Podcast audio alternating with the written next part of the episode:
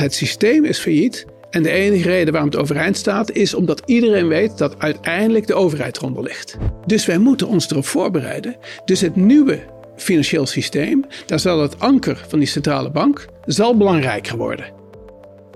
Ja. En, dat, en dat moet iedereen zich realiseren. Is het een legitieme discussie dat we dit zien als een Big Brother watching? Want dat is die discussie. Is een machtsovername eigenlijk hè, vanuit de centrale bank. Muddling through met betrekking tot de euro is het enige alternatief wat we op dit moment hebben. Laten we over vijf jaar hopen dat uh, Europa, in ieder geval qua slagkracht in de wereld, gewonnen heeft. En dat die euro nou, daar, dat niet te veel tegen heeft gezeten, of misschien juist een klein beetje geholpen heeft.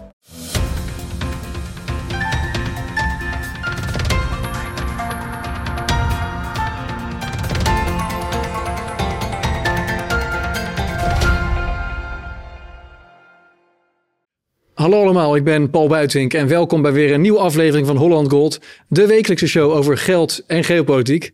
Nog een paar dagen en dan is het zover 20 oktober, het mooiste event van Nederland. Zorg dat je erbij bent in Ede. Kijk naar hollandgold.nl slash evenement 2023 en we gaan daar met elkaar praten over geld, geopolitiek, klimaat, en achter, achteraf is er natuurlijk een hele mooie borrel. Kijk voor kaarten, het lijkt me leuk om je daar te zien. Uh, dan het gesprek van vandaag. Ik zit met hoogleraar economie aan de Universiteit van Amsterdam, Arnoud Boot. Arnoud, leuk om uh, hier met jou, uh, bij jou thuis eigenlijk, hè, je, je ja. werkkamer, althans werkkamer, werkruimte te zitten. Paul, ja, het is leuk te zijn. Vijf jaar geleden hebben we elkaar uh, ook uh, gesproken. Dat was uh, toen nog voor Café Weltschmerz. En toevalligerwijs zeiden we toen aan het eind van het gesprek... laten we over vijf jaar nog eens zitten. En, en, nu zitten we hier weer. Niet zo getimed, maar wel een mooie toevalligheid. Um, in dat gesprek zei je onder meer dat het systeem onhoudbaar was, het financiële systeem. En toen verwezen we ook naar een andere uitspraak... die een aantal jaar daarvoor had gedaan... dat het systeem failliet was. Um, we zijn nu vijf jaar verder. Hoe kijk je nu naar de staat van ons financiële systeem? Ja, we zeiden toen ook hè, dat een systeem wat failliet is, waar al die overheden onder zitten en het systeem omhoog houden, hè, het financiële systeem natuurlijk, hè, waar al die overheden onder zitten. Ja, dat, dat, uh, dat kan een hele poos doorgaan. en dat zien we. Dus we zien, kijk maar de afgelopen vijf jaar, de schulden in de wereld nemen alleen maar toe. En ook bij de IMF-bijeenkomst in Marrakesh eh, afgelopen, afgelopen dagen. Het bekendste plaatje van het IMF is. We zijn eh, elk jaar zijn de, het totaal van private en publieke schulden is opgelopen. En hoe, hoe gaat zich dit met de toekomst verhouden? En dat is de grote uitdaging. Dus het systeem is failliet. Het blijft overeind omdat alle overheden eronder zitten. En we zijn nog steeds op zoek naar dat nieuwe systeem. Wat, het, wat stabiliteit moet gaan geven. Ja, en, en toen was het zo dat uh, het WRR-rapport, de Wetenschappelijke Raad voor Regeringsbeleid, uh, het rapport over het financiële systeem, wat um, werd geschreven als gevolg van een discussie die we hadden in de Tweede Kamer in 2016 over, over het financiële systeem en over geldschepping. Dat rapport was toen nog niet uit. Een paar maanden later is dat rapport wel uitgekomen in 2019. Nou, je bent zelf lid van de wetenschap, Wetenschappelijke Raad voor Regeringsbeleid. Ook ben je verbonden aan Sustainable Finance Lab. Dat rapport wat toen uitkwam sprak ook over die hoge schuldenposities. Uh, en dat we ook afhankelijk waren van, van grote financiële instellingen. En dat het belangrijk zou zijn uh, dat private en publieke belangen um, zouden worden gescheiden. En dat er ook een publiek alternatief zou komen voor, voor sparen uh, en, en betalen. Nou, we zijn nu een, een, een, stukje verder. Er wordt nu gesproken over de invoering van een digitale euro. Is dat een beetje een oplossing die in, in lijn lag met wat je toen geschreven hebt met het WR in 2019 en de komst van een digitale euro? Ja, dus het rapport, het rapport is volgens mij uitgekomen eind 2016, hè? uitgekomen denk ik. Hè? Ja, er waren twee rapporten, die van 2016 ja, 2016 en geld en, uh, dat, dat, dat, rapport heet de financiële sector en samenleving in evenwicht. Hè? Dus hoe je zorgt dat de financiële sector en de samenleving elkaar versterken. In plaats van dat er alleen met modder gegooid wordt. Yep. Of dat de financiële sector gezien wordt als de kwade, kwade geest in de economie. En uh, het, het, rapport uh, Geld en Schuld, hè, dat was een paar jaar later. Ja, 2019. Uh, dat, dat is naar aanleiding van de Tweede Kamerdiscussie. en, en dat ging met name ook banken scheppen geld. En uh, kunnen we dat proces van geldschepping van banken, moet dat niet eigenlijk publiek zijn? Ja. Is het niet raar dat die banken, tussen aanhalingstekens, Tweede Kamer, die we niet vertrouwen, die belangrijke rol, rol in geldschepping hebben, wat toch een soort publieke rol is? En dat rapport gaf aan van je wil eigenlijk dat die publieke rol van banken veel meer publiek beschermd is. En inderdaad, Central Bank Digital Currency, CBDC wat het dan heet. Het feit dat, je, dat de centrale bank in het digitale geldverkeer een digitaal alternatief voor cash aanbiedt. Wat er dus op neerkomt dat je je geld eigenlijk bij de centrale bank kunt stallen. Ja, dat is een publieke waarborg eigenlijk op dat geld. Dat, dat die geldscheppingsrol weer publiek is. Ja, dus als WRR of, of als Sustainable Finance Lab ondersteunen of onder, omarmen jullie eigenlijk dan die, die beweging richting de invoering van een digitale euro? Omdat het in lijn is met, met, met jullie voorstel uit, uit 2019 eigenlijk. Ja, niet omdat het in lijn is met ons voorstel en daarom omarmen we het. Hè. Dat zou heel kort in de bocht zijn. Als iemand met een beter idee komt, zijn we altijd bereid uh, dat te omarmen van, vanuit van elk gezichtspunt. Maar het feit dat moderne technologie het mogelijk maakt om rechtstreeks digitaal geld te houden bij de centrale bank dat is een puur veilig alternatief voor elke ingezetene van Nederland. Dan hoef je in wezen niet meer die rare omweg te volgen dat wij ons geld veilig stallen bij banken. En het is alleen maar veilig bij banken, commerciële banken dus, omdat er weer een depositogarantie op zit. Ja. Dus we geven het aan banken. Het moet veilig zijn, dus we geven vanuit de belastingbetaler een garantie. En banken worden dus gegarandeerd door de overheid en in de tussentijd kunnen doen met dat geld wat ze willen, binnen regelgeving, et cetera. Dat is een relatief omslachtig proces.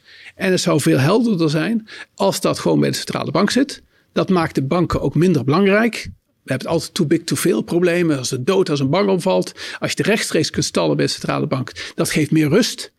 En het maakt het ook mogelijk dat nieuwe initiatieven, nieuwe spelers die opkomen, die op een andere manier in dat financieel systeem zitten, die kunnen aansluiten op die centrale bank. In plaats van die, dat die banken die geweldig unieke positie hebben, waardoor ze vernieuwing eigenlijk kunnen tegenhouden. Ja, dus um, in, in die zin uh, uh, omarm je het, want het is een goed idee, vind je. En, net als, als wat je dan ook eerder constateerde, een paar jaar geleden.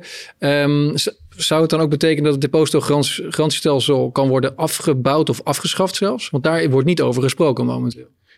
Nee, maar het is op, dat is op zich ook wel logisch dat er niet over gesproken wordt. Omdat, eh, omdat ook deze beweging richting Central Bank Digital Currency, CBDC, rechtstreeks digitaal geld bij de centrale bank. Eh, dat die, kijk, dit is natuurlijk is een grote verandering in het systeem. Eh, op het moment dat je dat gaat invoeren en je hebt niks veranderd aan de banken zelf, eh, dan kan het zelfs onrust geven. Eh, omdat bij het minste of geringste gerucht gaat iedereen zijn geld bij die banken weghalen en bij de centrale bank zetten, want daar is het veilig. Dus je moet echt iets aan het bankwezen gaan wijzigen. En wat je moet gaan wijzigen aan het bankwezen is dat ze zich anders moeten gaan financieren. Veel meer met eigen vermogen, dus met risicodragend vermogen. Of lang vreemd vermogen uit de financiële markt wat niet direct opvraagbaar is. En die verandering, die moet plaatsvinden voordat je een grote rol kunt geven aan central bank digital currency. Want anders is het naast elkaar plaatsen van die, van die systemen geeft veel te veel onrust. En die moet je dan niet nog eens een keer verergeren door te gaan suggereren dat in de tussentijd ook depositogarantiesysteem er vanaf kan, omdat we nu dit veilige systeem uh, voor binnen die centrale bank hebben. Zou wel je gewenste eindresultaat zijn dat uiteindelijk dat depositogarantiestelsel grotendeels wordt afgebouwd? Ja. Mits, mits eh, banken gezonder zijn gefinancierd, zou dat wel een, een, een doel kunnen zijn wat, wat jou betreft? Ja, dat, kijk, dat moet. Kijk, het, is een, uh, het paste in het verleden toen je een paar banken had en de wenkbrauw van de, van de gouverneur van de, van de Bank of England, uh, als die omhoog ging, dan stond iedereen in het gelid. Hè? Dat was het financieel systeem van vroeger. In dat financieel systeem heb je heel veel controle vanuit de overheid op het bankair systeem. Die banken zijn eigenlijk onderdeel van de overheid, ook al zijn ze privaat. En of je ze dan linksom of rechtsom garandeert, ze zijn onderdeel van de overheid. In het huidige systeem krijg je steeds meer nieuwe spelers. En dat betekent dat, dat het veel meer diffuus wordt uiteindelijk door al die nieuwe spelers. En als je in dat systeem afhankelijk bent van overheidsgaranties, om het systeem overeind te houden, ja, dan, dan maak je als overheid wel geweldig gevoelig. Maar die depositogarantie wordt door banken onderling toch eh, afgegeven en opgebouwd via een, een, stichting? Ja, kijk, dat wordt altijd gezegd. En je hebt strikt genomen, heb je gelijk. In Nederland, hè, afhankelijk van welk land je bent, is het formeel eh, dat banken zich onderling eigenlijk verzekeren. Maar wat weten we van systeemrisico's? Want daar gaat het om. We weten dat op het moment dat het financieel systeem in de stress slaat, hebben alle banken een probleem. Ja, maar hebben ze een resolutiefonds ook toch voor uh, en, en, een uh, afwikkelmechanisme? Nou ja, er bestaan, kijk, ja, er bestaan mechanismen. En ik moet er altijd, ik, ik, Heb je ik, lach, al, ik lach altijd bij, omdat op het moment, hè, die mechanismen zijn geweldig als je ze niet nodig hebt. Op het moment dat je nodig hebt en het hele financieel systeem zit aan elkaar vast, schieten al die mechanismen tekort. En wat betekent dat? Dat betekent gewoon weer dat de overheid de risico's overneemt. Dus die mechanismen zijn uiteindelijk de overheid. Ja. En, als, en dan ben je weer terug in de situatie eh, die we toen straks schetsten. Namelijk dat het systeem is failliet. En de enige reden waarom het overeind staat is omdat iedereen weet dat uiteindelijk de overheid eronder ligt. Ja, en, en, en uh, ik vraag me af of je dat überhaupt dan uh, kan, kan voorkomen ooit. Ja, misschien als we in een wereld leven bij die banken lang gefinancierd zijn met veel eigen vermogen, dat banken dan zo sterk en weerbaar zijn dat er nooit meer een overheid aan de pas hoeft te komen. Nou, uh, of anders. op het moment dat, op moment dat dat banken niet meer die onmisbare rol hebben. Het is diffuser geworden. Ja, hun, hun, onmisbaarheid is minder geworden. Door bijvoorbeeld die central bank digital currency. En door allerlei nieuwe technologie die allerlei andere spelers creëert. Op dat moment zit je in de situatie dat een bank uh, weer meer zijn traditionele rol heeft in het financieren van het bedrijfsleven. Hypotheken die worden verstrekt, ik noem maar even, door een dochteronderneming van de pensioenfondsen hypotheek is een product van 25 jaar. Dat pensioenfonds moet... ook, dus dat is mooi. Dat, uh, ja, precies. Het is veel logischer dan een pensioenfonds een hypotheek op de balans heeft staan. Maar een bankier zegt dan, uh, ja, als we dit gaan doen zo, dan, uh, dan is er veel minder geld beschikbaar, veel minder krediet. En dat gaat ten koste van de economische groei.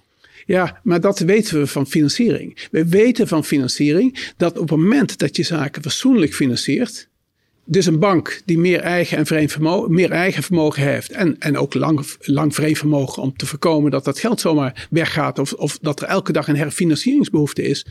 Dat risico van een bank wordt veroorzaakt door de activiteiten van een bank en moet gedragen worden door de liability, de rechterkant van de balans. En we hebben dat tot nu toe, we hebben dat verstopt op, de, op het huidige moment. Door al die garanties hebben we het verstopt. Het is de overheid die de risico's dekt. Daardoor lijkt het alsof banken zich goedkoop kunnen financieren. Het is niet omdat, omdat men zomaar uit zichzelf goedkoop kan financieren. Het is omdat de belastingbetaler garant staat. Ja, dus, maar, maar dus, in, de jaren 30 hadden banken wel 20, 30 procent eigen vermogen. En hadden we ook heel veel uh, banken die onderuit gingen. Hoe, hoe zit dat dan? Hey, maar op het moment dat je onverantwoord gedrag hebt van banken onverantwoord gedrag hebt. En als mensen ook op basis van corruptie er met het geld vandoor kunnen gaan. Ja, dan kun je elke crisis krijgen die je wilt. Dus je zult mij niet horen zeggen dat het bankenwezen geen regulering nodig heeft. Want alles bijvoorbeeld wat met betalingsverkeer te maken heeft. Het betalingsverkeer is toch een, iets wat we graag bij die banken houden. Het betalingsverkeer. Nou, betalingsverkeer, dat vereist dat het goed geregeld is. Vereist ook dat een toezichthouder er goed toezicht op houdt. Je kunt daar niet pure willekeur toepassen. Een bank wordt nooit zoals een koekjesfabriek. Waarbij je zegt de koekjesfabriek die gaat failliet. Who cares, in zekere zin. Want er komt echt geen tekort aan koekjes. Er komt echt wel weer een nieuwe koekjesfabriek. Een bank is, zeker als die het betalingsverkeer in zich heeft, die heeft de verantwoordelijkheid voor het geheel. En dat betekent dat je een toezichthouder nodig heeft die dat geheel in de gaten houdt. Ja, en als de, als, als de bank Um, dus nog steeds een depositogarantiestelsel hebben de komende tijd en garanties, omdat ze nog niet gezond genoeg zijn, dan zal straks de invoering van een digitale euro een, een doodgeboren kindje zijn, denk ik. Want waarom heeft een consument zal er dan geen gebruik van maken, verwacht ik, omdat er geen rente wordt gegeven. Bij de banken is er inmiddels aardig wat rente. Kan nog veel beter natuurlijk. Met name de grootbanken ja. uh, zijn nog erg zuinig als het gaat om rente. Maar als je straks als consument kan kiezen tussen een bank die gedekt is via het met rente en je hebt die digitale euro zonder rente ja, waarom zou je dan voor de digitale euro gaan? Ja, maar dit is, dit is natuurlijk het mooie. Hè? Kijk, Nederland hebben we eigenlijk het betalingsverkeer goed geregeld. Hè? En met Ideal heb je, hebben, hebben we eigenlijk ook dat, eh, dat internetbetalingsverkeer goed geregeld. Binnen Europa hebben we het redelijk goed geregeld. Hè? Als je relatief kleine bedragen overmaakt binnen Europa, dan kan dat relatief kosteloos. Dus, dus Nederland hebben we zaken eigenlijk relatief goed geregeld. Dus het is niet zo dat de digitale euro plotseling tot een grote verbetering leidt in het betalingsverkeer. Want dat loopt in Nederland al goed. Ja. Ja? Er is ook helemaal geen vraag naar. Ik heb DNB gesproken. met een Broos, projectleider, ook aan tafel eh, bij ons in de studio. Er is helemaal geen vraag naar uh, die digitale euro. Klopt. Maar dus hoe gaan veranderingen, hoe gaan veranderingen uh, op het moment dat de digitale euro mogelijk is, en die is mogelijk, dan gaat die natuurlijk komen. Ja, want die gaat er komen. Waarom gaat die er komen? Meer partijen krijgen toegang tot de centrale bank. Meer partijen. Misschien niet iedereen, maar meer partijen. Dus dat betekent dat ze hun, geld kunnen stallen bij de centrale bank. Op het moment dat er straks een crisis is, een schok is, dan komt er een beweging die zegt van het is toch eigenlijk gek dat iedereen nu onrustig is, omdat hij het geld bij die banken moet plaatsen. En we zitten, kijk, we zitten in een crisis. Op dat moment komt er een actie dat iedereen zijn geld veilig ook bij de centrale bank moet kunnen plaatsen. Ja, maar dat wil de centrale bank juist niet, toch? Daarom gaan ze limieten toe, uh, invoeren. Precies, maar in een crisis is het niet de centrale bank die beslist. In een crisis is het parlement die beslist. En het parlement in een crisis ik kan je garanderen, als er straks een crisis komt, dan zegt het parlement: het is niet langer mogelijk of niet langer te verdedigen dat we een veilig alternatief hebben voor al die gelden. Namelijk dat je je geld bij een centrale bank kunt plaatsen. En dat we kunstmatig hebben gezegd: je mag er maar 2.000 of 3.000 euro plaatsen. Omdat het anders slecht is voor het financieel systeem. Druk wordt alles vloeibaar en dan gaat de limiet omhoog. En dan, want nu wordt het ook gebrand als, een, als een, een betaalmiddel en niet een spaarmiddel. De DNB zegt expliciet van dit is om, of de ECB, dit is puur om te betalen, niet om te sparen. Maar in het WR-rapport pleit je juist, eh, in ieder geval de WR pleiten voor eh, een publiekelijk alternatief voor betalen en sparen. Maar dat stukje sparen is er uitgevallen. Ja, kijk, het is uitgevallen. Eh, de, kijk, de praktijk, en, en, dat snap ik ook wel van de ECB, et cetera. Het is afhankelijk naar welk land je kijkt. Hoe belangrijk het is, überhaupt ook voor betalen. Die, uh, de Central Bank Digital Currency. Er zijn landen waar het betalingsverkeer slecht geregeld is. En daar, is dus, daar wordt Central Bank Digital Currency gezien als een onmiddellijke vooruitgang, potentiële vooruitgang in het betalingsverkeer. Dat speelt eigenlijk ook in Amerika. Ja, door de discussie over central bank digital currency in Amerika zijn eindelijk het Amerikaanse bankwezen is gedwongen om tot een efficiënter systeem voor, voor betalen te komen. Dus daar komt waarschijnlijk een ander systeem voor betalen. Wat niet eens gebaseerd is op central bank digital currency, maar wel gemotiveerd is door central bank digital currency. Ja, maar ze hebben dingen als Venmo en zo. Je hebt wereldwijd allerlei uh, fintech bedrijven die al fantastisch uh, mooie betaaldiensten kunnen leveren. Heb je helemaal geen CBDC voor nodig. Klopt, klopt. Maar kijk in Amerika. Amerika heeft een buitengewoon inefficiënt betalingsverkeer. Je zou zeggen fintechs, Amerika. Nou, als je Venmo hebt bij Amerika, kan je heel makkelijk betalen. Maar heb je, heb je gezien wat het marktaandeel van credit, creditcards in Amerika is? Ja, nog steeds heel hoog. Gigantisch. Het heeft geen, dus zelfs debitcards die superieur zijn ten opzichte van creditcards, hebben in Amerika geen kans vanwege die creditcards. Ja, ook vanwege de schuldverslaving, toch? Die ze hebben. Amerika dat houdt uh, graag van op het pof leven. Ja het, is, ja, het is soms niet te begrijpen, want de totale creditcardschuld is meer dan 1000 miljard. Ja. En de rente is inmiddels opgelopen voor die mensen van 16% naar 23%. Ja, dat is een tijdbom. Ja, nee, het is ook een tijdbom. Ja. Maar wederom, die schuld wordt gecreëerd op een wijze die gekoppeld is aan betalen. Dus dat creditcardsysteem in Amerika vroeg of laat leidt tot totale tweedeling in de maatschappij en sociale onrust. Ja. Maar eh, even terug, Central Bank Digital Currency biedt een, op zichzelf een superieur alternatief, want je kunt direct geld plaatsen waar het eigenlijk hoort, waar veilig geld hoort. En dat is bij de overheid. Daar hoort het veilige geld. Uh, bij een commerciële bank neerzetten eh, als dat 100% eh, veilig moet zijn, moet er een overheidsgarantie op dat geld zitten. En dat kun je regelen door eerst te suggereren dat banken onderling is. Maar als er drie banken zijn omgevallen, kan ik je garanderen dat de vierde per definitie gaat omvallen, omdat hij de andere drie zou moeten redden. Ja. ja? Dus het is geen onderling systeem. Als puntje bij paaltje komt, is het geen onderling systeem. In een volgende schok die gaat komen, of de tweede schok die gaat komen, dan komt er een democratische roep op zekerheid van het kunnen opbergen van je geld. Dus je ziet het eigenlijk als een soort van reddingsboot en het is prima dat die even niet of nauwelijks wordt gebruikt, maar als het nodig is, dan, dan is die reddingsboot er. Die is er. En als we ons daar niet op voorbereiden, dan hebben we een bankwezen wat niet eh, voldoende gecapitaliseerd is in termen van eigen vermogen en lang vreemd vermogen. Dus als we het niet voorbereiden, dan wachten we op de volgende schok. Dan komt het alternatief. Het parlement zegt, ja, iedereen moet uiteraard zijn geld veilig kunnen parkeren. Want het kan. En sinds wanneer zijn wij als parlement er voor de banken? We zijn er toch voor de mensen. Ja? ja. Dus dan komt het alternatief. We hebben het bankwezen er niet op voorbereid. Het geld gaat meteen naar de centrale bank toe. En de banken zijn meteen in de problemen extra in de problemen bij die crisis, omdat geld ook nog eens gaat schuiven naar de centrale bank. Dus wij moeten ons erop voorbereiden. Dus het nieuwe financieel systeem, daar zal het anker van die centrale bank zal belangrijker worden. En, dat, en dat moet iedereen zich realiseren. Het zal dus er gaat nog meer macht naar de centrale bank toe. En dan kun je de vraag stellen. Dan kun je de vraag stellen. Is die discussie, is het een legitieme discussie dat we dit zien als een Big Brother watching? Want dat is die discussie. Een machtsovername eigenlijk hè, vanuit de centrale bank. Ja, machtsover, er wordt gesproken over machtsovername. Niet alleen machtsovername. Er wordt gesproken over dat digitale geld, dat zou je kunnen programmeren. Dus je zou, uh, je, je zou dus de keuzes van mensen uh, stiekem kunnen beïnvloeden. de deep state kan de besteding van mensen beïnvloeden. Die kan geld doen verdwijnen. Die kan, die, kan, uh, die kan ons eigenlijk in een richting duwen. Begrijp je die angst? Ik begrijp de angst op een niveau dat ik het kan vertellen en dat ik mensen geweldig angstig kan maken. Ik begrijp het niet op een niveau van, van al deze dingen zijn nu al mogelijk.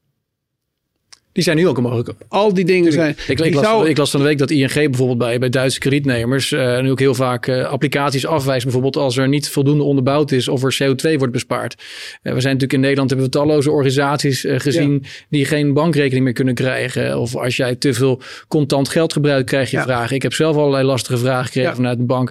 Um, zo, zo ken ik talloze verhalen van ook goedwillende ondernemers die uh, mogelijk hun rekening kwijtraken omdat ze gedrag vertonen wat niet door de bank wordt gewaardeerd. En de bank doet het overigens niet uit, uit liefde. Die uh, wordt met regels geconfronteerd en is bang voor boetes. Dus ja. past die regels strenger toe dan noodzakelijk om maar te voorkomen dat ze boetes krijgen. Maar we leven dus eigenlijk al in die wereld waarin je financiële vrijheid in zekere zin al grondig is beperkt. Als jij, als je eh, zeker, dat is absoluut zo. Uh, banken, ik denk raad van commissarissen van banken. In plaats van de bank in de gaten te houden, kijken ze heel op de schouder naar de toezichthouder. Wat zou de toezichthouder vinden? Ja. ja?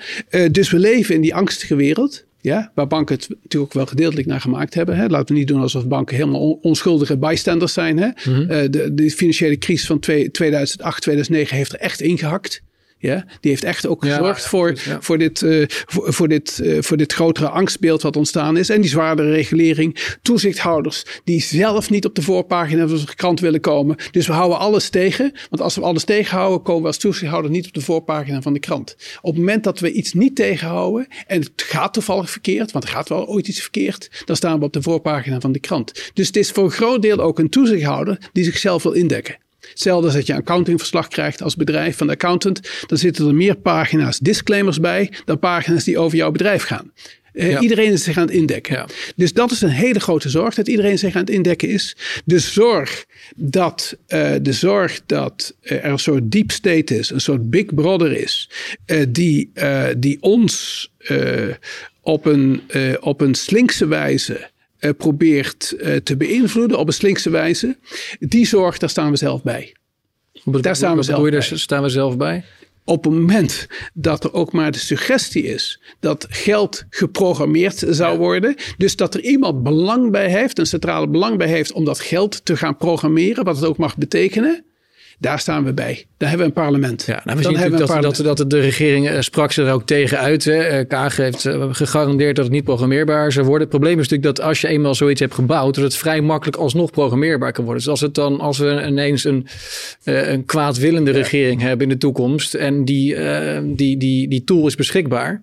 Net zoals wat je net al aangaf, als er een crisis is, dan is het wel handig als, als er zo'n middel kan worden gebruikt. Dus kan, dat kan ook zijn een crisis die um, wellicht op die manier dan uh, eigenlijk verkeerd wordt uitgebaat. Niet om, om mensen een reddingsboei te geven, maar eigenlijk om mensen een strop te geven. Als... Maar, maar um, dat, dat probleem zit ook vast aan het huidige systeem. Ja. Dat, dat probleem zit vast aan een digitale samenleving. Ja, en dat hebben we nu al, zeg je. Dus dat maakt, ja, we, we hebben dat nu al. Het, het, het, wordt makkelijker gemaakt. Als je als overheid, nu moet je nog via de bank bij iemand zijn rekening komen. Dan kan je rechtstreeks als overheid. Ja, maar is het, is het makkelijker als je het bankair financieel, als je het bankair rekeningssysteem ziet, dat is meteen uh, te beïnvloeden. Ja. Dat is meteen te beïnvloeden. Het zit vast aan de digitale samenleving. Dus dan moeten we echt één stap terug. Want het geldt ook met uh, onze gezondheidsgegevens natuurlijk. Hè waar die discussie ook speelt.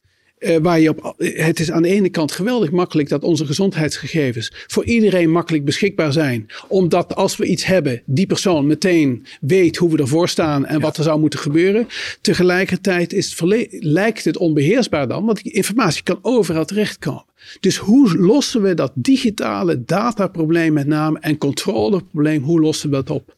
En dat staat eigenlijk, dat heeft natuurlijk veel te maken ook met central bank digital currency. Het heeft met onze bankrekening te maken, et cetera. Het heeft te maken met het know your customer concept, waar banken, wie weet hoeveel informatie van ons willen voordat ze überhaupt bereid zijn onze rekening te geven. Rekening te geven, heeft er allemaal mee te maken. Dat probleem moeten we hoe dan ook oplossen. Ja. En dat, heeft, dat, dat gaan we niet oplossen door central bank digital currency te verbieden of juist toe te staan. Duidelijk. En de, de, de digitale euro is natuurlijk gebouwd op de euro straks. Uh, over de euro heb ik heel veel uh, gesprekken gevoerd afgelo afgelopen tijd. Uh, Jaap van Duinen recent noemde het nog een historische blunder. Um, jij hebt in het verleden wel eens aangegeven dat, dat we vreselijk naïef waren bij, bij de, de totstandkoming van de euro. ik sprak vorige week met, met Nout Welling, die ook al aangaf dat, dat er waren zoveel zorgen bij de toetreding van Italië. Waaronder André Saas, een directeur natuurlijk bij DNB, die maakte zich echt zorgen dat we op drijfstand het bouwen waren. Maar ja, politiek gezien moest DNB wel meegaan en het vinkje zetten. Want het was eigenlijk al een fait accompli, uh, zei Welink. Uh, ben je het eens met, met, met dergelijke heren uh, dat, dat we de euro eigenlijk nooit in de huidige vorm hadden moeten, moeten starten in, in de jaren negentig? Ja. Dus met, met al die landen erbij die zo verschillend zijn. We zijn natuurlijk geen optimaal valutagebied, verre van. Ja. En zelfs de VS is geen optimaal valutagebied. Terwijl ze daar wel een fiscale uh, capaciteit hebben uh, op federaal niveau. En dezelfde taal spreken. Wij hebben al die dingen niet eens. Dus wij zijn, waren toen geen optimaal valutegebied. Um, en dat gaan we denk ik ook niet worden. Maar uh, hoe kijk je terug naar de jaren negentig? Was het... Ja, ja, nee, kijk, eh, optimaal valutegebied, je, je hoeft er niet eens puur in economische termen naar te kijken. Verenigde Staten heeft natuurlijk grote verschillen. Maar er, is, er komt bij niemand het idee op dat Californië uit de dollarunie zou treden.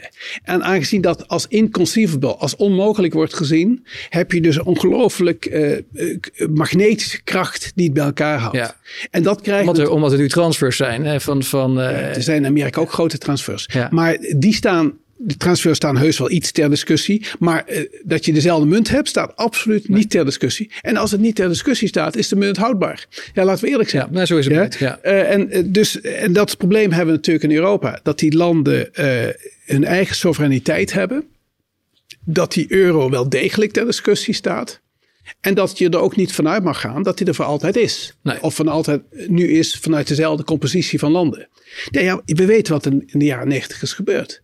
Het was, de, het was de eenwording. Het was de eenwording van Duitsland. Waar Duitsland, uh, dat wilde Duitsland. Uh, Frankrijk, uh, de instemming van Frankrijk was nodig. Ja. Frankrijk wilde af van die, van die heikele Bundesbank. Dus Frankrijk heeft eigenlijk geëist dat toen die euro kwam, want dan werd die Bundesbank een beetje koud gesteld. En Frankrijk wilde niet het zwakste lid van de eurozone zijn. En zo moest Italië erin. Ja. Dus het is, Frankrijk was de grote strategische speler, heeft het zaakje op die manier bij elkaar gekregen. En op het moment dat je, dat je het bij elkaar hebt, kijk naar ons, wie weet hoeveel jaar na de laatste eurocrisis. Um, het is buitengewoon ingewikkeld om het weer uit elkaar te halen. Ja, maar ik begrijp dan niet zo goed waarom er toen geen mensen op stonden. We hadden natuurlijk wel Arjo Klamer en andere mensen die heel erg vocaal zeiden: jongens, dit moeten we niet doen. Uh, omdat we geen optimaal valutagebied waren. Maar de politici en uiteindelijk dus ook de centrale bankiers, die zijn er wel gewoon in meegegaan. Ondanks dat ze wisten en aanvoelden dat die Maastricht-normen absoluut niet houdbaar uh, zouden zijn. Dat zo'n Nobel-uitklos waarschijnlijk ook op termijn gewoon zou worden geschonden. Maar toch gaan, zijn we allemaal erin meegegaan? waarom is het dan een soort van uh, um, overschatting? Of, of, uh, of omdat we zo graag wilden dat, dat het zou gaan slagen, dat we er naïef toch in mee zijn gegaan? Of? Nou, ik denk, het was al, denk ik, uh, we hadden die, we hadden een valutacrisis gehad, hè? de ERM-crisis, de Engelse, et cetera. dus het grommel met onderlinge valuta speelde al een poosje. Ehm, het idee op een gegeven moment uh, kreeg wortel, sloeg wortel, uh, dat op het moment dat je samenvoegt, uh, dat je daarmee de convergentie versnelt. Ja. Ja, dus dan was het idee, nou ja, goed, als we het samenvoegen, uh, en dan gaan we in de vaart der volkeren, wordt alles meegesleept en dan krijgen we de convergentie. Dus op een gegeven moment werd het heel naïef. Het was niet meer eerst convergeren voor de euro. Nee, op een gegeven moment werd het andersom. We stoppen het bij elkaar en dan gaat iedereen in de vaart der volkeren mee. En dan krijgen we de convergentie. En het tegenovergestelde is natuurlijk gebeurd, want we kregen juist divergentie. Uh, en, en, die divergentie neemt eigenlijk alleen maar toe. Um, en, ja, kijk, daar kun je, je, kunt, je kunt discussiëren of die alleen maar toeneemt. Maar het is in ieder geval, het is evident dat de convergentie uh, opliep in, in die hele periode. Ja. Uh, en dat het, uh, het feit dat je bij elkaar zat, juist ook kon betekenen dat je geen convergentie kreeg, omdat je door ja, toch een vorm van moral hazard werd je afgedekt voor andere, door, door andere landen uh, als je meer schulden aanging. He, kijk naar de Griekse crisis en de Italiaanse crisis. Heel lang, heel lang was het geen probleem dat ze meer schulden hadden, omdat toch het idee was, toch het idee was van, van de schuldeisers ja. dat het geheel garant stond. En die schuldeisers hebben natuurlijk wel gelijk gekregen uiteindelijk. Ja, absoluut. Tot uh, natuurlijk 2012 uh, Draghi zijn, whatever it takes. En toen bleek dat uiteindelijk de no bail-out clause um, niet bestond. Niet bestond. En daar waren investeerders al wel van uitgegaan. Ja. Um, maar uiteindelijk, weet je, in de jaren 90 hadden we een, een sterke gulden. En dat, dat werkte goed voor ons. onze export draaide goed, ondanks dat die gulden hard was. Dus het zorgde ervoor dat we steeds innovatiever werden. Dat we ons gingen focussen op de, op de juiste dingen om die producten maar interessant te maken voor het, voor het buitenland. Um, uiteindelijk zijn we de euro ingegaan. Ik, ik meen dat we toen voor een te lage uh, prijs erin zijn gegaan. Dat we, dat we uh, de gulden eigenlijk hadden moeten uh, herwaarderen voordat we de euro ingingen. Wat, wat, wat vind jij daarvan? Nou, het is in ieder geval zo dat de, dat de overschot op de lopende rekening, dat die alleen maar opgelopen zijn. Ja. dus hadden wij, hadden wij een duurdere euro kunnen veroorloven en dus ook op een minder gunstige wijze tussen aanhalingstekens in de euro treden, waardoor effectief de euro voor ons duurder was, ja. uh, daar hadden we tegen gekund. Ja, ja. Gegeven de overschot op de lopende rekening de afgelopen uh, 25 jaar, 20 jaar, hadden we makkelijk. En diverse DNB's hebben het later ook toegegeven, hè, dat, we, dat we dat hadden eh, moeten en, en kunnen doen. Want dan hadden, we, hadden de, de burgers meer euro's op hun rekening gehad bij na-conversie, waar we weer, maar waarmee meer koopkracht was, was gewonnen.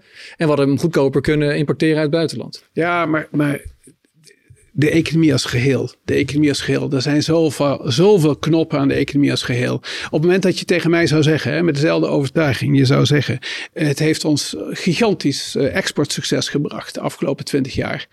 Uh, dat had je ook kunnen zeggen. Ja, maar de, de exporterende bedrijven hebben daarvan geprofiteerd. Ja, ja maar, maar als je de, de, ja, het land, het land de, de, de, koop, ja, maar de koopkracht van de gemiddelde burger is, is sinds uh, de afgelopen ja, twintig jaar niet mee, zo hard meegestegen als, als het handelsoverschot. Dus, dus het zijn vooral de grote exporterende bedrijven, de MKB'ers en de consumenten. Die hebben juist doordat de euro voor ons eigenlijk uh, te, te goedkoop is, uh, hebben daarop ingeboet qua koopkracht. Ja, maar, maar je kunt, kijk, die koopkracht, die had ook kunnen zeggen, uh, pak even het akkoord van Wassenaar, begin jaren 80.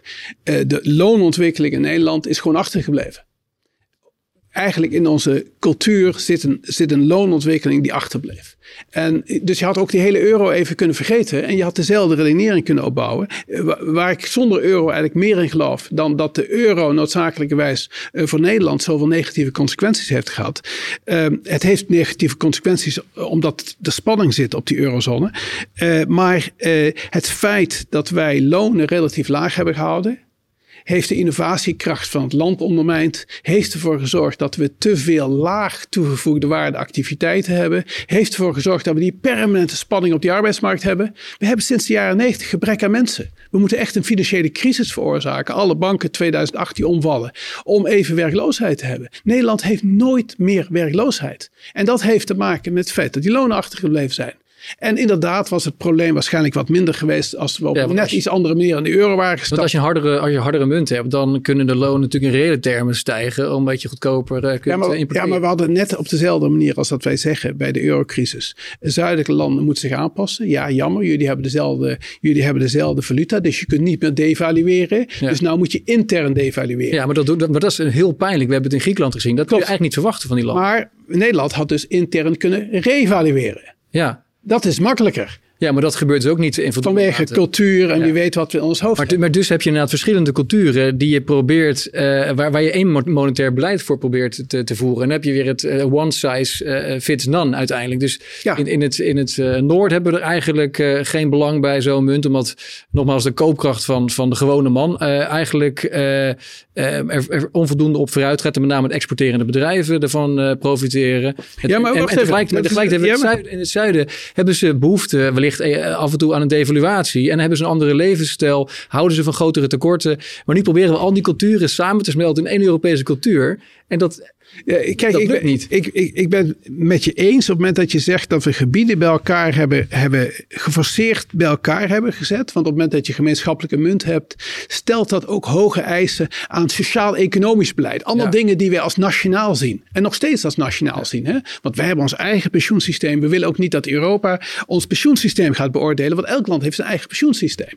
Maar op het moment dat je één valuta hebt, ben je gedwongen juist op al die, al die punten waar je als land je eigen soevereiniteit als, bijna als vanzelfsprekend wil hebben, om daarover na te denken hoe dat past in het grotere geheel. En dat is die divergentie die in Europa bestaat. Die heterogeniteit, divergentie die bestaat. Maar dat is dus, paard achter wagen Dus uh, eerst, eerst die, die, die monetaire uniform en dan, en dan hopen uiteindelijk dat door de, door de tijd heen de, de politieke unie eh, volgt. Uh, dat, en dat de convergentie volgt. Dus ook de sociaal-economische convergentie volgt. Wat je überhaupt eigenlijk niet wil, de sociale Want het, het, er is niks mis mee dat in Amerika, ik noem maar even Florida, dat, dat stel even dat Florida heel kort op de bocht, dat is, waar je, dat is een wezen waar je als je oud bent, je, je, je gaat wonen. Het is een soort, uh, soort resort voor de ouderen. Ja? Uh, Griekenland zou het resort voor de ouderen kunnen zijn. Maar dat past alleen maar op het moment dat je als geheel bij elkaar wil horen als vanzelfsprekend. Want dan ga je Florida ga je als resort voor de ouderen zien. En Griekenland als resort voor de ouderen. De houdbaarheid van Florida staat ook niet ter discussie. Maar de houdbaarheid van Griekenland staat ter, discussie. Terwijl je ook zou kunnen zeggen. Natuurlijk is Griekenland niet concurrerend. Wat is het resort voor de ouderen? Die hebben een hele andere rol. Die, gaan niet exporteren. Dat is een soort service-economie. Daar, gaan mensen, daar gaan mensen wonen die rijk zijn. En eh, die brengen dus eigenlijk hun geld met zich mee. En op die wijze komt Griekenland er bovenop. Maar zo zijn we niet aan het kijken naar Griekenland. We zijn naar Griekenland aan het kijken van, ja, ze moeten toch een beetje op Duitsland gaan lijken. En dat gaat natuurlijk nooit gebeuren. Nee, ja? maar ja, die, die convergentie, eh, Adriaan Schout van Klingendaal heeft daar een rapport over geschreven. tussen Oost en West zie je wel een bepaalde mate van convergentie. Dat het, het oosten van Europa groeit, groeit goed door. Maar tussen Noord, Noord en, en, Zuid is er eigenlijk alleen maar meer divergentie. En ik heb het idee dat hoe, meer, hoe langer we doorgaan met die euro, hoe, het is eigenlijk een soort van gebouw wat op, op zwak fundament staat. En in plaats van dat we het gebouw uh, gecontroleerd afbreken en tijdelijk woningen ernaast zetten, zijn we maar nieuwe verdiepingen op dat gebouw aan het zetten. Uh, ook omdat we bang zijn dat het gebouw misschien wel ongecontroleerd gaat, gaat instorten als we dat uh, gaan proberen. Maar ondertussen, uiteindelijk wordt de chaos en de, en de schade groter als we maar door blijven bouwen. En het gaat over een paar jaar een keer onderuit. Hoe meer we ons gaan. Uh, hoe meer we gaan verstrengelen en hoe meer we gaan vervlechten, hoe, groter, denk ik, straks de, de pijn en schade zal zijn. Hoe, hoe zie jij dat? Nou ja, Paul, ik, ik, hoop het van niet. Hè? Uh, ik hoop het niet. Even Nederland, even één stap. In Nederland, elk probleem wat wij nu in Nederland hebben, hebben we eigenlijk aan onszelf te danken. Uh, dus laten die euro, wat mij betreft, voor, voor, voor 99% van de problemen die wij in Nederland zien, hebben we die hele euro niet nodig als verklaring. Ja? We doen het trouwens geweldig goed op allerlei punten. Uh, en als we vinden dat lonen zijn achtergebleven, wat ik ook vind, dan hebben we dat voor een groot deel aan onszelf te danken. Ja? Dus, dus laten we niet een zuidelijke strategie volgen dat we de, voor een andere reden de euro de schuld geven. Of Brussel de schuld geven. Um, ja, het is zo dat die zuidelijke landen er anders in zitten. Het is zo dat ik de euro nooit ingevoerd had. Maar het is ook zo dat ik niet. Eh, ik ken geen enkele situatie in de geschiedenis. waar muntunies op een ordelijke wijze zijn veranderd. Uh, uiteen zijn gevallen. Laat ik het zo even formuleren. Als je nu op dit moment kijkt. Als je nu op dit moment kijkt wat de uitdagingen zijn voor Europa en eh, helaas, de eurozone valt niet los te zien van de EU. Ja? Je kunt, theoretisch kun je de eurozone opsplitsen. Dan hebben we toch de EU nog. Dan hebben we ook de interne markt nog. Theoretisch klopt dat allemaal. Ja, je zou natuurlijk een soort opt-out voor de euro kunnen gaan bedingen. Theoretisch, in de, ja, in de gemeenschappelijke ja, natuurlijk. En ik, ik ben er helemaal voor dat we niet uh, Zweden gaan dwingen om nu alsnog de euro in te gaan voeren. Dat hoeven allemaal niet. En, en dat verhoudt zich ook goed met de EU. Maar op het moment dat we die euro op dit moment uit elkaar zouden proberen te trekken. Nou, dan, dat voel je waarschijnlijk ook al aan, dat, dat gaat spanning geven binnen die EU. Dat gaat niet op een, uh, op een wijze waarop wij, uh, waarop wij uh, met enig zelfvertrouwen of met enige rusthart weten hoe we van A naar B komen. Dus waar zitten we op dit moment? Ik denk dat we dat toch als uitgangspunt moeten nemen. We zitten op dit moment op een punt waarbij je Europa voor geopolitieke redenen en ook voor redenen van grensoverschrijdende infrastructuur, European Common Goods. Mm -hmm. Wij moeten Europa gewoon versterken. Wij moeten Europa versterken. En uh, dus dat betekent dat grensoverschrijdende infrastructuur, wat die ontbreekt in Europa, uh, defensie, uh, defensie coördinatie, buitenlandse politiek, et cetera. Er zijn allerlei punten waar we Europa kunnen versterken. En ja, in die omstandigheid, in die omstandigheid is het probleem van de schulden van, pak even de schulden van Italië, als je het even pakt, want Spanje doet het wel een stuk beter. Schulden, schulden van Italië is een probleem wat je een beetje in de hand probeert te houden. Het bindt monetair beleid op een hele rare manier. Want one size fit all monetair beleid is niet optimaal. Dat weten we. We hebben er wat instrumenten tegenaan gehouden. Om te zorgen dat morgen niet uiteenbarst. Dat hebben we gedaan. Dus muddling through met betrekking tot de euro is het enige alternatief wat we op dit moment hebben. Je hebt natuurlijk ook een aantal flexibiliseringsopties. Ik heb André ten ja? Wel eens gesproken, de Matthäus Solution. Volgens mij was je ook een keer bij een uh, Follow the Money avond in 2016. Ja, ik heb met hem gediscussieerd toen nog. En, uh, nee, nee, absoluut. Maar zou het, geen, zou het geen uh, gulden middenweg zijn dan door die euro als stap 1 te gaan flexibiliseren, waarbij je hem wel houdt, maar je, gaat ervoor, je krijgt dan weer de mogelijkheid per land om, om met, met, met een eigen koers te werken? Paul, al die dingen vragen om een slagvaardige politiek. Je moet die systemen dan naast elkaar zetten. Je moet, je moet dezelfde uitleg eraan geven. Het vereist coördinatie. En coördinatie is slagvaardigheid van de politiek. Nou, die slagvaardigheid van, van grote wijzigingen. Waar al die kapitaalstromen doorheen gaan lopen. Allemaal ruis doorheen komt. Waar je allerlei verschillende interpretaties kunt gaan geven. En allerlei partijen gaan verschillende interpretaties geven. Dat leidt tot, tot dat betekent dat je het laboratorium-experiment ja. Van die verschillende valuta's in, uit, et cetera. De praktijk is, er is zoveel meer noise, uh, dat is het normaal Nederlandse woord, ruis. Ja, Zoveel meer ruis. En het ontbreekt aan politieke slagkracht om dat te kunnen uittekenen hoe dat gaat werken op het moment dat je het doet. Maar als we met elkaar constateren dat je, dat je het liefst dus wel met optimale valutagebieden werkt en zoveel mogelijk flexibele uh, valuta hebt, zodat je je eigen beleid kan voeren, en, en we hebben ook net besproken dat het prettig zou zijn om een soort van uh, reddingsboot te hebben. Nou, digitale euro zou dan misschien een reddingsboot kunnen zijn bij bankfalen. Maar zou je niet gewoon als land, uh, Nederland, zelfstandig wel een, soort van uh, systeem ernaast kunnen zetten? er was natuurlijk al een keer een plan B, de Florijn, in de tijd van de jager. ik weet dat je daarmee je de woede op de hals haalt van je Europese partners. Maar je maakt je systeem wel een stuk antifragieler en weerbaarder als je een parallele munt naast die euro neerzet. Met name als je als economen onder elkaar constateert dat de euro niet uh, heel houdbaar is op termijn. Nou, nou, even, kijk, het is niet uitgesloten dat sociaal-economisch en qua, qua denken Europa meer naar elkaar zal groeien in deze hele rare wereld waarbij slagkracht van Europa gevraagd wordt. Ja, dat begrijp ik. Ja? Uh, het is niet uitgesloten. We zitten in de euro, we weten dat het buitengewoon ingewikkeld is om op ordelijke wijze daar ook maar iets mee te doen. Maar dat ontslaat politici niet van de verantwoordelijkheid of in ieder geval beleidsmakers niet van de verantwoordelijkheid, om een soort plan B ook of plan C ergens, ergens op de shelf te hebben liggen van als het helemaal misloopt. Ja, dat ligt er wel. Schok, dat ligt als Heb jij het gezien? Weet jij wat erin staat? Nee, maar dat doet er niet toe wat er precies ligt. Hè? Want, want, wel belangrijk, toch? Ja, nee, nee, nee, maar het doet er niet toe. Wacht, natuurlijk. Maar er ligt niet één iets met één bepaalde definitie. En, uh, en, uh, en wat, zijn de, wat zijn de knoppen waar je in kunt draaien op dat moment? Ik noem maar even iets. Uh, pensioenvermogen. Is dat iets wat, wat wij als reddingsboei zien als land, het pensioenvermogen? Of in, in die absolute noodsituaties? Kunnen we daar iets mee? Of de 500 miljard claim van de, van de belastingautoriteit op het pensioensysteem. Kunnen we op dat moment er iets mee, et cetera? Nou, je kan de dus, inkomstenbelasting naar voren halen op de pensioen. Hè? Noem maar even iets. En dan heb je, ja, ja, 500 miljard. Ja, dan heb je 500 miljard. Hè? Eh, ja. ja. Heb je heel veel geld. Heb je de hele staatsschuld. Heb je meteen, is meteen weg. Uh, dus je, je, de beleidsmakers, dat zij voor al deze mogelijke schokken die zich voor kunnen doen, waarvan we niet weten of die zich over vijf jaar of over 25 jaar gaan manifesteren, want we weten inmiddels ook dat jaren voorbij schieten. Hè? Ja, ja, ja dus we zien elkaar over vijf jaar weer. Ja, precies. En de kans is veruit groot dat er op dit punt niks gebeurd is. In plaats van iets gebeurd is. Ja, het ontslaat je niet van de verantwoordelijkheid om op de plank te hebben liggen hoe jij als land op dat moment welk crisisscenario je hebt. Heb jij het, plan en hoe je dat, overigens? Het, uh, wat... Nou ja, kijk, er zijn... Uh, het idee dat er één plan ligt, denk niet dat er één plan ligt. Maar heb jij plannen ingezien? Nee, nee, maar luister, er zijn allerlei discussies geweest. Op dit moment worden die niet gevoerd. Er zijn allerlei discussies geweest wat in noodsituaties zou kunnen gebeuren. Was je betrokken bij die discussies? nou ja, ik ben bij allerlei discussies betrokken geweest. Maar bij welke wel en welke niet, dat, dat doet er even niet toe. Oké, oké, maar het heeft je het voldoende comfort gegeven, die plannen?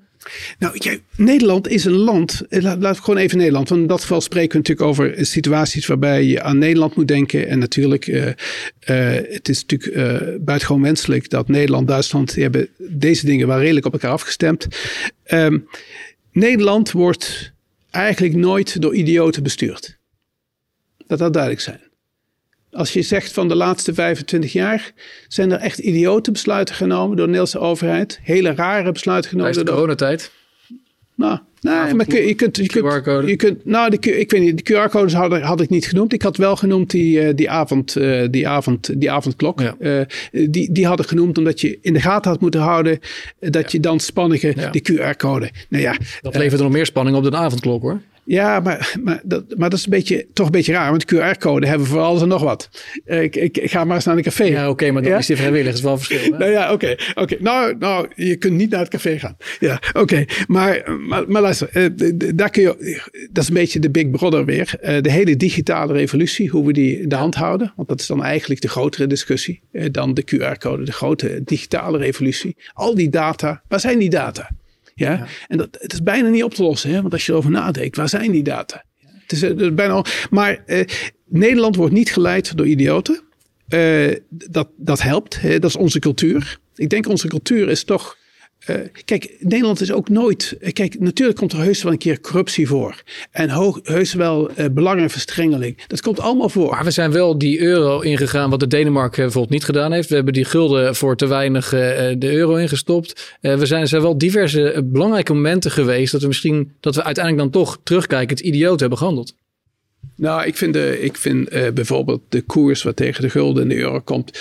Uh, ik, ik, ik zou daar nooit het, uh, het, het woord idioot aan koppelen. want dat is een beetje. ik denk dat Nederland.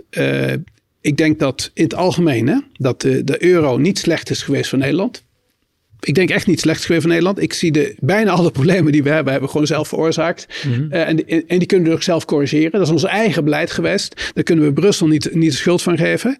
Dat je, uh, dat je op die historische momenten, op die historische momenten, met betrekking tot de invoering van de euro, dit, dit problematiek van Frankrijk en Duitsland, eenwording Duitsland, waar we het er straks even over hadden. Ja, dat zijn, ja, dat zijn constellaties. Dat zijn constellaties uh, die ontstaan. En uh, dat je dan toch een beetje jezelf wijs maakt als Europa. Die convergentie gaat komen. In plaats van dat de convergentie eerst is voordat je, voordat je de euro doet. Ja, dat is, dat, is dat, dat is die geopolitiek. Dat was de Europese geopolitiek die speelde. En dat, dat is een give and take. En daar ja. gebeuren dingen. Daar kun je, uh, daar kun je zeggen. Ik, ik zou er niet het woord idioot aan willen koppelen. Maar je realiseert je gewoon dat daar ja, op dat punt is dat een soort koehandel. Want dat is natuurlijk gewoon koehandel.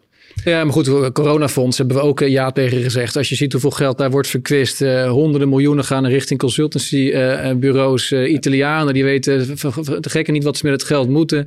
Dan gaat heel veel gaat ook richting de maffia. Ook daar hebben we wel weer ja tegen gezegd. Terwijl er was beloofd door de regering geen eurobonds en niet, geen verdere um, transferunie. En uiteindelijk doen we het ook alweer.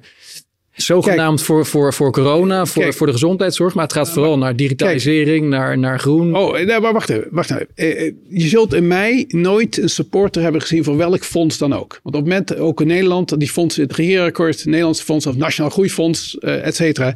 Fondsen zijn gewoon geen goed idee. Omdat fondsen leiden altijd tot, uh, in, plaats van, in plaats van dat we problemen hebben waar we geld bij zoeken, nu hebben we geld waar we problemen bij zoeken.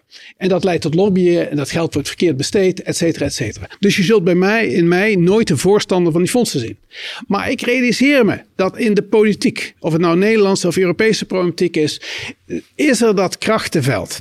Is er dat krachtenveld. En ontstaan fondsen. Ja. En die, dat, dat, gebeurt. En eurobonds vandaag de dag wordt positiever bezien. Dat heeft natuurlijk weer met die oorlog te maken van de, van de Oekraïne en Rusland met name. Uh, dat heeft er weer een impuls aangegeven. Uh, maar het krachtenveld tekenen wij altijd bij het kruisje voor meer integratie, meer transfers, ja, uitbreiding. Maar, maar, maar pak even, kijk, het is natuurlijk ongelooflijk jammer uh, dat, dat, dat Engeland, Groot-Brittannië, uit de EU is getreden. Want Groot-Brittannië was voor Nederland altijd toch, toch, een natuurlijke partner in Europa. Ook tegen de as Duitsland-Frankrijk. Waarbij Duitsland eigenlijk Frankrijk niet voor de voeten wil lopen. En, en dus Frankrijk heeft disproportioneel veel te zeggen in Europa. Dat is de realiteit. Klopt.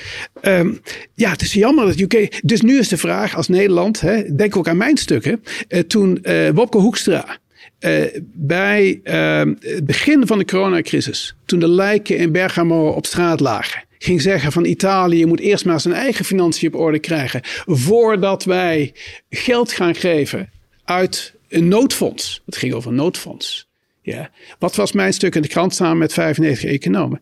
Wopke Hoekstra, jongen, je bent je chips op het precies verkeerde moment aan het inzetten. Natuurlijk is dit niet het moment om Italië met die lijken op straat te zeggen: van, ga eerst je financiën op orde brengen voordat je een dubbeltje geven. Want dit noodfonds waar je het nu over hebt, dat, dat was een klein noodfonds. Het gaat, er komt dadelijk een veel groter fonds aan.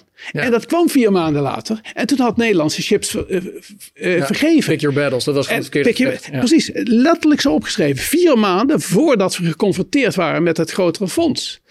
En dan nog was natuurlijk de vraag geweest, wat had Nederland precies kunnen doen? Nou, diplomatiek was het in ieder geval veel verstandiger geweest om niet je chips op het verkeerde moment op straat te gooien. Ja? Dus het was veel beter geweest, want Nederland had zich belachelijk gemaakt door die actie uh, toen de lijken in Bergamo op straat lagen. Letterlijk belachelijk gemaakt. En was eigenlijk van een ander land niet meer mogelijk om zich achter Nederland te plaatsen. Toen het belangrijk werd. Dus diplomatie, diplomatie is belangrijk. Daar zijn we buitengewoon slecht in. Ja? Uh, dat is echt een, moet een prioriteit zijn voor Nederland. En dan nog, ja, internationale politiek is niet iets dat je je eigen zin kunt doordrijven. Toch dus, zijn er toch heel veel landen in Europa doen dat wel. Uh, en, en, wij doen dat beperkt. Lijkt, lijkt het op. Als dat, dat, kleine landen, mij komt dat. Kleine uh, landen. Kijk, dat, dat, ja. Denemarken, uh, dat Denemarken niet in de euro. Zweden ken ik dan veel beter. Hè? Want Zweden, daar kom ik jaarlijks. Ja. ja, daar kom ik jaarlijks. Dat is natuurlijk dat Zweden niet in de euro kwam, dat is natuurlijk dan een toevallige samenloop op dat moment waarop Zweden niet besloot op dat moment om die euro, in de euro te stappen. Het was eenzelfde moment eigenlijk als toen Nederland tegen de Europese grondwet stemde. Weet je nog? Nederland ja, stemde ja, maar volgens werd er niks met die stem gedaan. Dat... Ja, maar goed, maar als, het, als die toevallig over de euro was gegaan, hadden we niet in de euro gezeten. Nee. Ja, dus, dus die toevalsfactor onderschat niet, die toevalsfactor speelt een rol. En onderschat ook niet, en dat geldt voor Europa. Europa heeft nou niet een hele schoon verleden. Dus het is eh, de, de, de weg om zelf maar te gaan in Europa.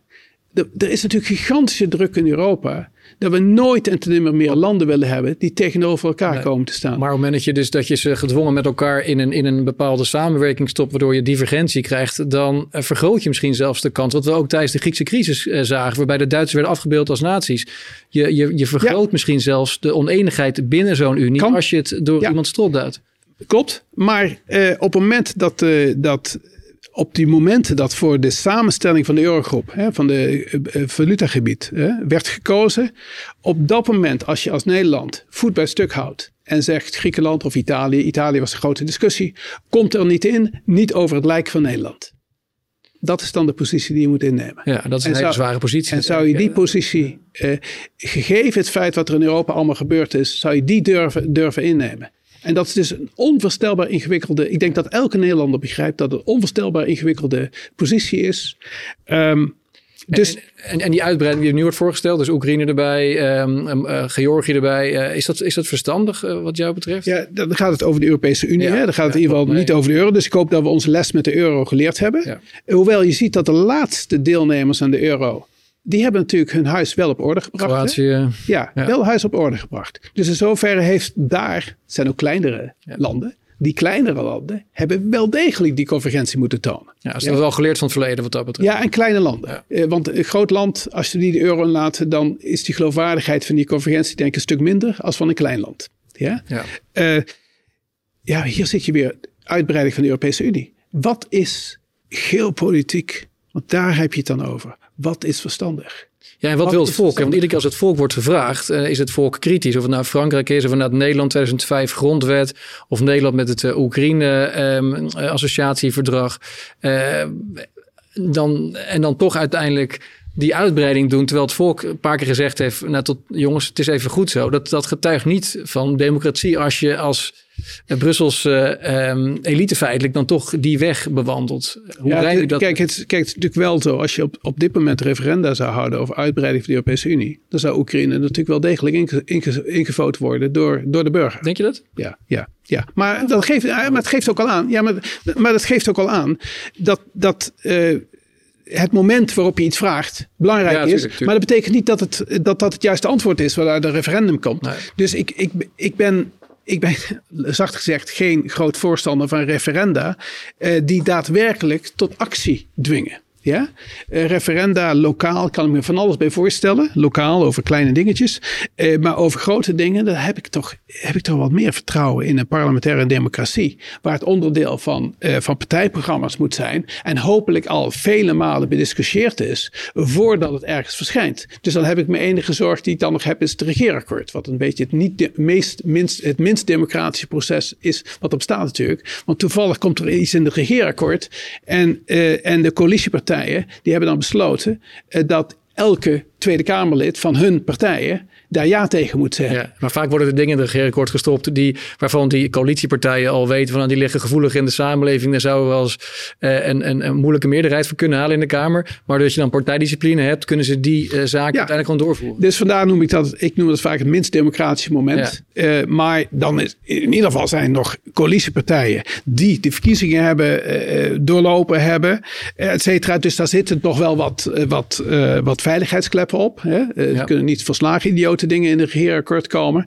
Uh, referendum met betrekking tot belangrijke beslissingen. Referendum. En dat je daar uh, dat je, dat je die, de uitslag van een referendum bepalend laat zijn voor wat je doet, daar, daar voel ik me niet goed bij. Want ik weet, kijk ook naar, naar, naar Groot-Brittannië. Je weet gewoon dat de krachten die je losmaakt, die kunnen alle kanten op gaan alle kanten op gaan. Ik denk dat het nog te vroeg is om te oordelen over Groot-Brittannië. Misschien over tien jaar dat we, dat we stellen van het was de juiste beslissing geweest. Dat weet je toch nog niet? Oh nee, nee, maar ik zeg die kunnen alle kanten op gaan. Ja. Uh, Groot-Brittannië had ook precies de andere kant op. Ja, op die manier. Ik denk niet, ik, even los van, de uitkomst, ja. los van de uitkomst. Als onderdeel van de Europese Unie. Ja. Had jij, als jij, als je de euro vind ik een terechte vraag of je onderdeel van de euro ja, zijn. Stel dat je straks massale, te, door de conflicten in het Midden-Oosten, dat je een massale toestroom van, uh, van vluchtelingen krijgt en je bent de baas over je eigen grenzen. Dat kan absoluut voordelen bieden. Groot-Brittannië, omdat het een eiland is, uh, misschien. Misschien. Uh, ja, Nederland natuurlijk niet. Dan zou elk, Europee, elk land wat aan elkaar vastzit. Ja, hoe ga je die grenzen bewaken? Het, het, gaat, het, gaat niet lukken. Kijk, dat je als Europa, uh, de buitengrenzen van Europa, dat je daar als Nederland ook een verantwoordelijkheid voor hebt. Want de buitengrenzen gaat niet de grens bij ons, maar de grens. Uh, dat is een Europees goed eigenlijk, waar je het eerder, eerder over had. Hè? Ja, ik, ik, ik, ik, ik, zou zeggen, ik zou zeggen, gezien de geschiedenis van Europa, wil je gemeenschappelijke verantwoordelijkheid hebben over de buitengrenzen van Europa. En dan is het beter om erin te zitten. Uh, maar los van, los van die landen die er niet in zitten, die hebben toch een enorme behoefte om, eh, om, er, om erbij te horen. Maar Noorwegen, Zwitserland, maar op een meer gekwalificeerde manier. Dus dat kan. Noorwegen en Zwitserland hebben een bijzondere geschiedenis. Beide landen hebben een bijzondere geschiedenis. Zijn ook buitengewoon rijke landen. Uh, sta, buitengewoon stabiel ook. Buitengewoon stabiele landen. Dus die kunnen zich veroorloven eigenlijk om op een minder rigide manier bij Europa te horen. Waarbij je als nadeel kunt noemen dat ze ook minder te vertellen hebben in Brussel. Maar je kunt ook zeggen, ze kunnen op een minder rigide manier erbij horen. En ze zijn hele stabiele landen. En dat, dat geeft geen problemen. En terwijl andere landen misschien juist die interne stabiliteit niet hebben. Waarbij het bij Europa horen, wat ze dan ook graag willen, niet op een normale manier had gekund. Omdat het te wispelturig zou worden. En dat geldt niet voor Noorwegen en Zwitserland. Dus je kunt er van alles over vinden. Ik denk, mijn bottom line is: Europa, Europese Unie, dat die sterk is, wordt in toenemende mate van belang. En, ja, of, het dan, en, of, het dan, en of het dan netto uh, moet leiden tot uitbreiding met landen aan de oostgrens of niet, ja, dat is een geweldig ingewikkeld vraagstuk. Absoluut. Nou, gelukkig hoeven wij die niet uh, aan tafel hier uh, op te lossen, Arnoud. Maar ik vond het wel heel erg uh, interessant en dynamisch gesprek. Uh, lijkt mij leuk om het inderdaad uh, over uh, vijf jaar nog te doen. Dan denk ik niet hier, want misschien ben je dan... nou, misschien ben je met Emiraten, mag je als, af, af en toe deze ruimte gebruiken. Nou, kijk, Paul, in mijn werk ga je nooit met pensioen. Ik, ik zou niet weten wat... Je kan niet stoppen met denken. Ik zou niet, nee, het is denken, het is... ja, dit juist... kijk, dit gesprek maar terug. Het is natuurlijk... Dit zijn vraagstukken waar, waar geen absolute antwoorden mogelijk zijn. En dat muddling through Hè, doormodderen. Ja. De euro. Ja, dat is waar we staan met de euro. Uh, maar laten we over vijf jaar hopen dat uh, Europa, in ieder geval qua slagkracht in de wereld, gewonnen heeft. En dat die euro nou, daar, dat niet te veel tegen heeft, gezeten. Of misschien juist een klein beetje geholpen heeft. Want er is natuurlijk ook weer een andere reservevaluta nodig dan alleen de dollar. Hè? Ja, ja. Dus daar hebben we het niet over gehad. Nee. Volgende keer. Volgende keer. Arnoud, uh, dankjewel. Ik ben kan. Ja, Paul. Dankjewel. Ja.